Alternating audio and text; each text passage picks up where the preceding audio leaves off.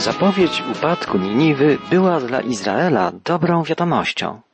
Potężna Syria od lat ciemiężyła lud izraelski. Upadek imperium dawał więc nadzieję na wolność, na pokój. Dlatego prorok Nahum, przekazując proroctwo dotyczące upadku Niniwy, rozpoczyna wołaniem Oto na górach stopy zwiastuna ogłaszającego pokój.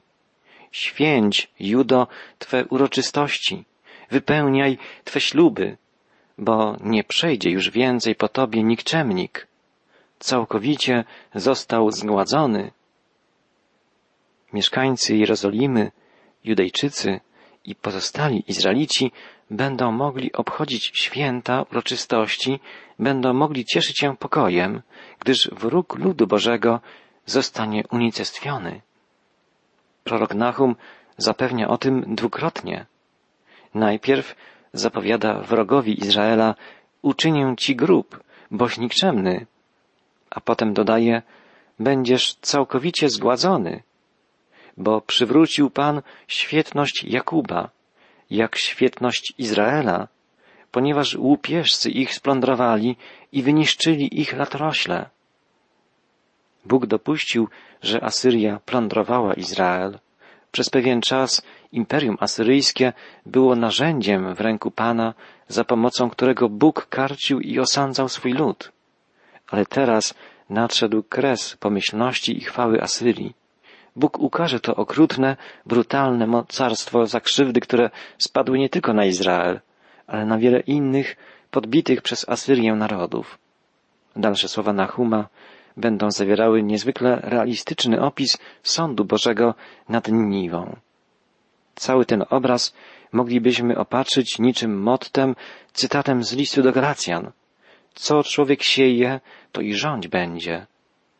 Asyryjczycy byli okrutni, bezwzględni, brutalni. Wielka i surowa będzie też pomsta Pana nad krwawym i nieprawym ludem asyryjskim. Boży prorok woła. Pogromca nadciąga przeciwko Tobie. Pogromca nadciąga przeciwko Tobie. Strzeż twierdzy, nadzoruj drogę, wzmocnij biodra, rozwiń jak najbardziej siłę. Jest to wezwanie do wojny. Asyryjczycy mieli potężną armię, ale zostaną pokonani przez wojska jeszcze silniejsze. Z perspektywy historycznej wiemy, że pokonały ich wojska Babilończyków i Medów. Walki były bardzo krwawe. Oblężenie Niwy trwało długo, ale gdy stolica Asyrii w końcu upadła, załamało się całe imperium. Posłuchajmy Bożego proroka. Woła on, tarcze jego bohaterów lśnią czerwienią, wojownicy w szkarłat ubrani, ogniem stali iskrzą się wozy, w dniu jego przygotowania, a włócznie ich się poruszają. Mamy wrażenie, że słuchamy naocznego świadka, który relacjonuje wydarzenia z pola bitwy. Ale prorok Nahum opowiada o tym, co dopiero się wydarzy. Jego wizja jest niezwykle barwna, sugestywna, realistyczna. Słowa Nahuma wywierają tym większe wrażenie, im pełniejsza jest nasza wiedza o faktach historycznych. Do połowy XIX wieku wiedzieliśmy o historii Niniwy niewiele. Niektórzy naukowcy poddawali nawet wątpliwość autentyczność opisów biblijnych. Ale po roku 1850, w drugiej połowie XIX wieku, a potem w XX wieku, dokonano wielkich odkryć archeologicznych. Odnaleziono między innymi liczne dokumenty klinowe pochodzące ze starożytnej biblioteki w Niniwie i w Nipur, które też było przez jakiś czas stolicą Asyrii. Najwięcej informacji o wydarzeniach, o których mówimy dzisiaj, zawartych było w obszernej kronice króla Nabopolasara. Jest tam przedstawiony chronologicznie stopniowy rozkład Imperium Asyryjskiego. Częste i krwawe starcia militarne, jakie na terytorium asyryjskim rozgrywały się w latach 625 do 608 przed naszą erą, na zawsze przekreśliły byt polityczny tego narodu. Upadek Niniwy zapowiedziany przez proroka Nahuma i przez innych proroków Starego Testamentu, był jednym z najważniejszych, decydujących wydarzeń tamtego okresu. Asyryjczycy słynęli z okrucieństwa, znęcali się nad pokonanymi przez siebie ludami, stosowali brutalne, krwawe tortury. Z historycznych przekazów dowiadujemy się, że mieszkańcy niektórych krain popełniali zbiorowe samobójstwa, żeby nie wpaść w ręce Asyrii. A teraz Asyryjczycy zostaną zdziesiątkowani, zmasakrowani, pobici przez wojska Medów i wojska babilońskie. Prorok Nahum woła, tarcze jego bohaterów lśnią czerwienią, wojownicy w szkarłat ubrani, ogniem stali iskrzą się wozy, w dniu jego przygotowania, a włócznie ich poruszają się. Według przekazów historycznych Asyryjczycy malowali swoje tarcze na czerwono i ubierali się w szkarłatne stroje wojenne, co sprawiało, że sam ich wygląd był przerażający. Wywierał na wojskach przeciwników wielkie wrażenie. Siał też popłoch wśród ludności cywilnej. Prorok Nahum woła, tarcze ich lśnią czerwienią, wojownicy w szkarłat ubrani, a potem ogniem stali iskrzą się wozy. I jest to opis rozpędzonych rydwanów, sypiących iskry spod metalowych kół. Asyryjczycy słynęli z nowoczesnych, szybkich rydwanów. Podczas gdy egipskie rydwany zbudowane były głównie z drewna, rydwany asyryjskie wykonane były w dużej mierze ze stali. Ich koła były uzbrojone w wystające ostre szpikulce, które obracając się niszczyły przy bezpośrednim starciu drewniane rydwany wroga, rozcinając je jak piła tarczowa. Taki obraz widzimy na przykład w scenie walki rydwanów rzymskich w filmie Ben Hur, gdzie wróg Ben Hura, Masala, druzgotał rydwany swoich przeciwników ostrzami zamocowanymi na kołach. Takie uzbrojenie było znane w czasach rzymskich, ale wiele lat wcześniej stosowali je już Asyryjczycy. Posłuchajmy dalszych słów proroka Nahuma. Po gościńcach szaleją rydwany, przewracają się na błoniach, widok ich niby pochodnie, przejeżdżają jak błyskawice. Rydwany, jak na tamte czasy, były bardzo szybkie, odgrywały podobną rolę jak dzisiaj czołgi albo bojowe wozy piechoty. Asyryjczycy wynieśli uzbrojenie rydwanów i sposób ich wykorzystania w walce na wysoki poziom. Ale Medowie i Babilończycy nie pozostali z tyłu. Kiedy wdarli się do Niniwy, pędzili szerokimi ulicami miasta właśnie na rydwanach i siali spustoszenie. O tym woła prorok Nahum. Po gościńcach szaleją rydwany, przewracają się na błoniach. Widok ich niby pochodnie, przejeżdżają jak błyskawice. Kto wojuje mieczem, od miecza ginie. Kto wojuje rydwanami, ginie od rydwanów. Co człowiek sieje, to i rządź będzie. Ta biblijna prawda sprawdza się w życiu narodów i w życiu pojedynczych ludzi. Co powinniśmy więc czynić, żeby wyrwać się z przeklętego kręgu grzechu? Powinniśmy otworzyć się na posiew Bożego Słowa, na działanie Ducha Bożego. Tylko On, rzeczywisty autor Biblii, autor zarówno Starego, jak i Nowego Testamentu, może pouczyć nas, jak postępować w życiu. Duch Boży jest najlepszym nauczycielem. Jezus powiedział, poślę wam innego nauczyciela, ducha prawdy. On wam przypomni moje słowa, uzdolni was do zrozumienia najgłębszych prawd. Przysłuchajmy się przez chwilę modlitwie apostolskiej. Apostoł narodów modlił się, aby Bóg Pana naszego, Jezusa Chrystusa, Ojciec chwały, dał wam ducha mądrości i objawienia ku poznaniu Jego i oświecił oczy serca waszego, abyście wiedzieli, jaka jest nadzieja, do której was powołał i jakie bogactwo chwały jest udziałem świętych w dziedzictwie Jego.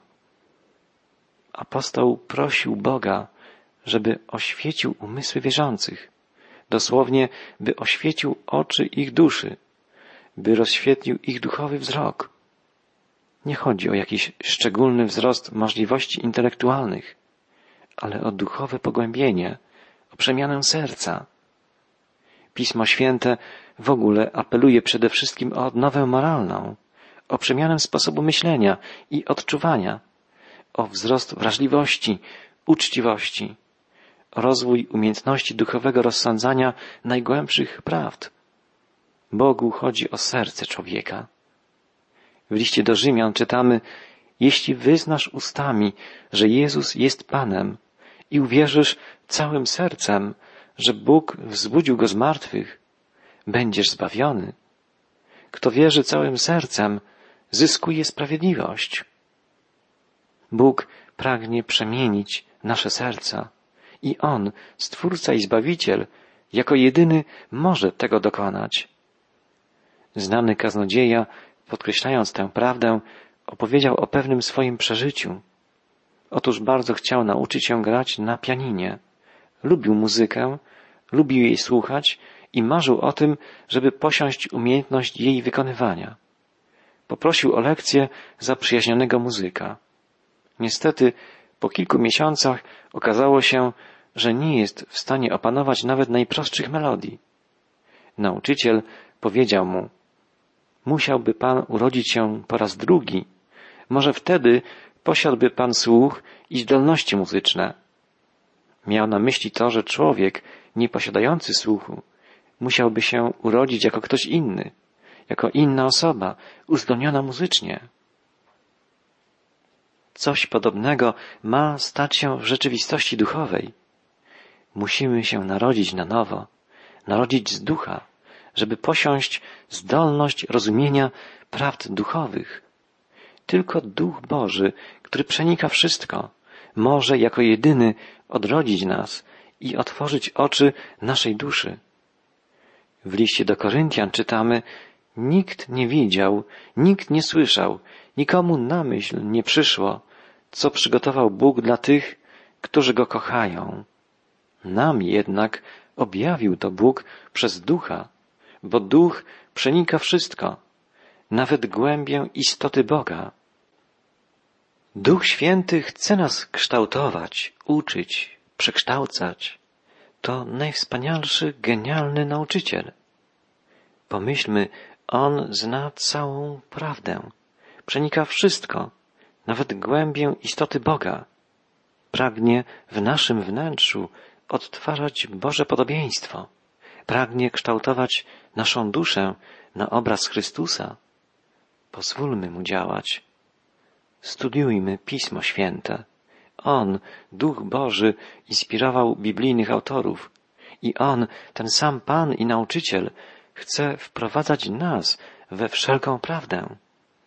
Módlmy się, rozmawiając z naszym niebieskim Ojcem, a Duch Święty będzie nas wspierał w modlitwie, będzie poddawał nam właściwe myśli, szczere słowa. Prośmy Ducha Świętego, zmieniaj nas, ucz nas, objaśniaj nam Słowo Chrystusowe, prowadź nas w modlitwie. Tylko gdy otworzymy serce na Jego działanie, staniemy się ludźmi szczęśliwymi, ludźmi obdarowanymi pełnią duchowego błogosławieństwa z niebios. Niech oświeci nasz umysł, abyśmy poznali, czego mamy się spodziewać na drodze powołania, jak wspaniałe i bogate jest dziedzictwo tych, którzy mu się powierzyli, jak niezwykła moc okazuje się wobec nas, wierzących, dzięki Jego działaniu. Pismo Święte poucza nas, że mamy dziedzictwo w Panu, a równocześnie, że my, jako odkupieni, jesteśmy Jego dziedzictwem. Pewien obraz tej prawdy może stanowić Ziemia Święta. Ziemia ta należy do Boga, ale On dał ją na własność swemu ludowi. Dzieci Izraela pozostają nadal w większości poza tą ziemią. Ale nadchodzi czas, kiedy Bóg objawi się jako Pan całego świata całego uniwersum i wtedy potwierdzi, że Izrael i dana mu ziemia stanowią jego dziedzictwo, jego własność. Podobnie Kościół, jako wspólnota wierzących, jest Bożym dziedzictwem, jest Bożą własnością. Bóg działa w nas i poprzez nas, a kiedyś nastanie czas, kiedy my będziemy panować i rządzić wraz z Nim u Jego boku. On nazywa nas swoją własnością, uznaje nas za swoje dziedzictwo. Jest to prawda tak niezwykła i wielka, że nieustannie musimy prosić Ducha Świętego, aby objaśniał nam, co to właściwie znaczy, jak doniosłą treść wnosi ta prawda w nasze życie. Wsłuchajmy się jeszcze raz w słowa modlitwy apostolskiej, zapisanej w liście do Efezjan. Apostoł narodów modli się, aby Bóg, Pana naszego Jezusa Chrystusa, Ojciec chwały, dał wam ducha mądrości i objawienia ku poznaniu Jego i oświecił oczy serca waszego, abyście wiedzieli, jaka jest nadzieja, do której was powołał, i jakie bogactwo chwały jest udziałem świętych w dziedzictwie Jego, i jak nadzwyczajna jest wielkość mocy Jego wobec nas, którzy wierzymy, dzięki działaniu przemożnej siły Jego, jaką okazał w Chrystusie, gdy wzbudził Go z martwych i posadził po prawicy swojej w niebie. Wspaniała modlitwa, modlitwa o każdego z nas. Apostoł chwali potężną moc Boga. Jest to moc niewyobrażalnie wielka, moc o niesłychanej dynamice. Wielka jest ta moc. Okazało się to, gdy Bóg użył jej, budząc Chrystusa z martwych i sadzając go przy sobie po prawicy w niebie. Nie jesteśmy w stanie nawet wyobrazić sobie ogromu mocy, którą dysponuje Bóg, Stwórca i Zbawiciel świata. Mówimy w czasie Bożego Narodzenia o cudzie wcielenia. Mówimy w czasie świąt wielkanocnych o powstaniu Chrystusa z martwych. Ale przyzwyczailiśmy się do tych prawd. Przyjmujemy je jako oczywiste i nie zastanawiamy się nad tym, co one tak naprawdę oznaczają. Bardzo rzadko myślimy o tym, co wydarzyło się po zmartwychwstaniu, o tym, jak niezwykła moc została okazana w zmartwychwstaniu Pana. On ukazywał się różnym ludziom w różnych miejscach, nie podlegając ograniczeniom czasu i przestrzeni. Rzadko zastanawiamy się nad tym, jak potężna moc objawiła się też w chwili, kiedy Jezus wstąpił do nieba i zasiadł po prawicy Ojca. Dzisiaj podziwiamy siłę, która wynosi rakiety czy satelity na orbitę. Mówimy z dumą o promach kosmicznych, o wyprawach na Księżyc, na Marsa, ale w tych przypadkach chodzi jedynie o pokonanie sił grawitacji, o przeciwdziałanie prawom ciążenia, o zjawiska fizyczne. Pomyślmy, jak potężna musi być moc, która umożliwia przenikanie ze świata materii do świata ducha, przenikanie ze świata niewidzialnego do widzialnego, z rzeczywistości dostępnej naszym zmysłom do tej niedostępnej dla nas, nieosiągalnej, duchowej. Jakże wielką mocą posłużył się Bóg, gdy wzbudził Chrystusa z martwych i gdy posadził go przy sobie po prawicy w niebie. Taka sama moc może być okazana wobec nas, wierzących. Jest to ta sama czynna, potężna, niesłychanie dynamiczna, niewyobrażalnie wielka moc. Dlatego, wsłuchując się w modlitwę apostolską, musimy prosić o to, byśmy mogli doświadczać tej mocy, poznawać ją.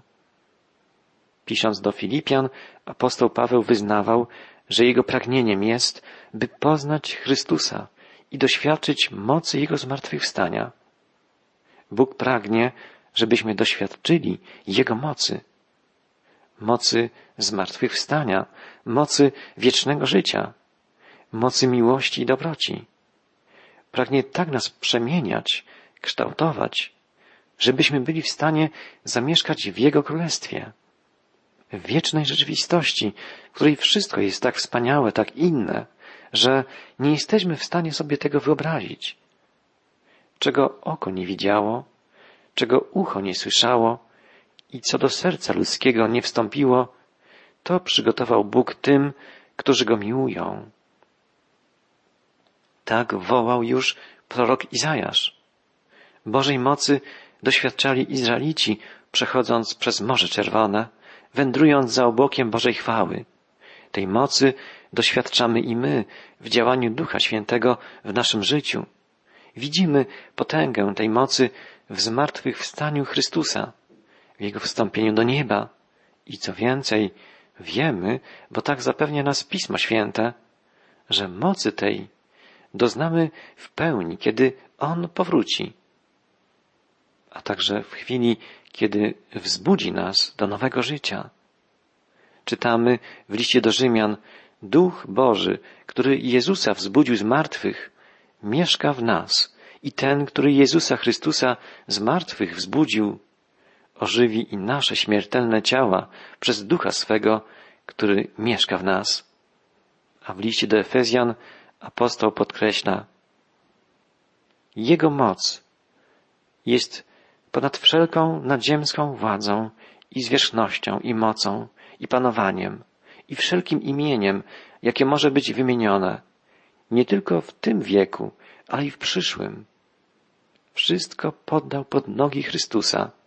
Jego samego ustanowił ponad wszystkim głową Kościoła, który jest ciałem Jego, pełnią tego, który sam wszystko we wszystkim wypełnia. Jest to niezwykła i wspaniała wypowiedź. Jezus, zmartwychwstały Pan, został wywyższony ponad wszelką mocą, potęgą, panowaniem i ponad wszelkim imieniem, wzywanym nie tylko w tym wieku, ale i w przyszłym. To znaczy, że Chrystus jest potężniejszy od wszelkich istot na niebie i na ziemi i że Jego panowanie obejmuje wszystko i wszystkich. Autor listu do Hebrajczyków stwierdza, wszystko poddał Bóg pod stopy Chrystusa, a poddawszy mu wszystko, nie pozostawił niczego, co by mu poddane nie było. Teraz jednak nie widzimy jeszcze, że wszystko jest mu poddane. W obecnym czasie całkowicie poddany Chrystusowi ma być Kościół. Kościół jako wspólnota wierzących. Wspólnota ludzi prawdziwie odrodzonych przez Chrystusa, wykupionych przez Niego na własność. Niestety jest wiele wspólnot, denominacji, kościołów, które nazywają siebie chrześcijańskimi, ale tak naprawdę nie należą do Kościoła Jezusa Chrystusa. Są duchowo martwe. Przypominają ciało odłączone od głowy. A bez głowy, bez prawidłowego funkcjonowania mózgu, ciało obumiera. Nie wystarczy nazywać siebie Kościołem Chrystusa. Trzeba nim być naprawdę. Trzeba być zrośniętym z głową, z Chrystusem.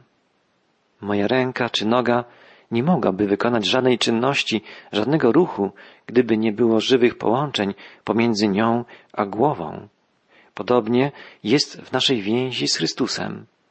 Tylko jeśli jesteśmy połączeni z naszą duchową głową, możemy funkcjonować jako żywe ciało, jako żywy organizm. W pierwszym liście do Koryntian czytamy, istnieje podobieństwo między Chrystusem a ciałem człowieka, składającym się z wielu części. Wprawdzie jest ich wiele, ale tworzą jeden organizm. W ten właśnie sposób my wszyscy, tak Żydzi jak i Grecy, niewolnicy czy ludzie wolni, jesteśmy zespoleni przez Ducha Świętego w jedno ciało. Jeśli jesteśmy zjednoczeni z Chrystusem poprzez wiarę, to znaczy, gdy ufamy Mu, gdy Go kochamy, żyjemy z Nim na co dzień, tworzymy Jego ciało, stanowimy Jego Kościół. Myślę, że do końca nie jesteśmy w stanie pojąć, dlaczego taki jest właśnie plan Boga. Jedno jest pewne. Bóg pragnie, byśmy byli Jego współpracownikami. Powołuje każdego wierzącego do działania dla Jego Królestwa. Pan czynił to poprzez wieki, poprzez historię ludu pierwszego przymierza, poprzez wołanie proroków, poprzez nauczanie apostołów. Dzisiaj wzywa Ciebie i mnie. Uwierz, zaufaj, a żyć będziesz u mego boku.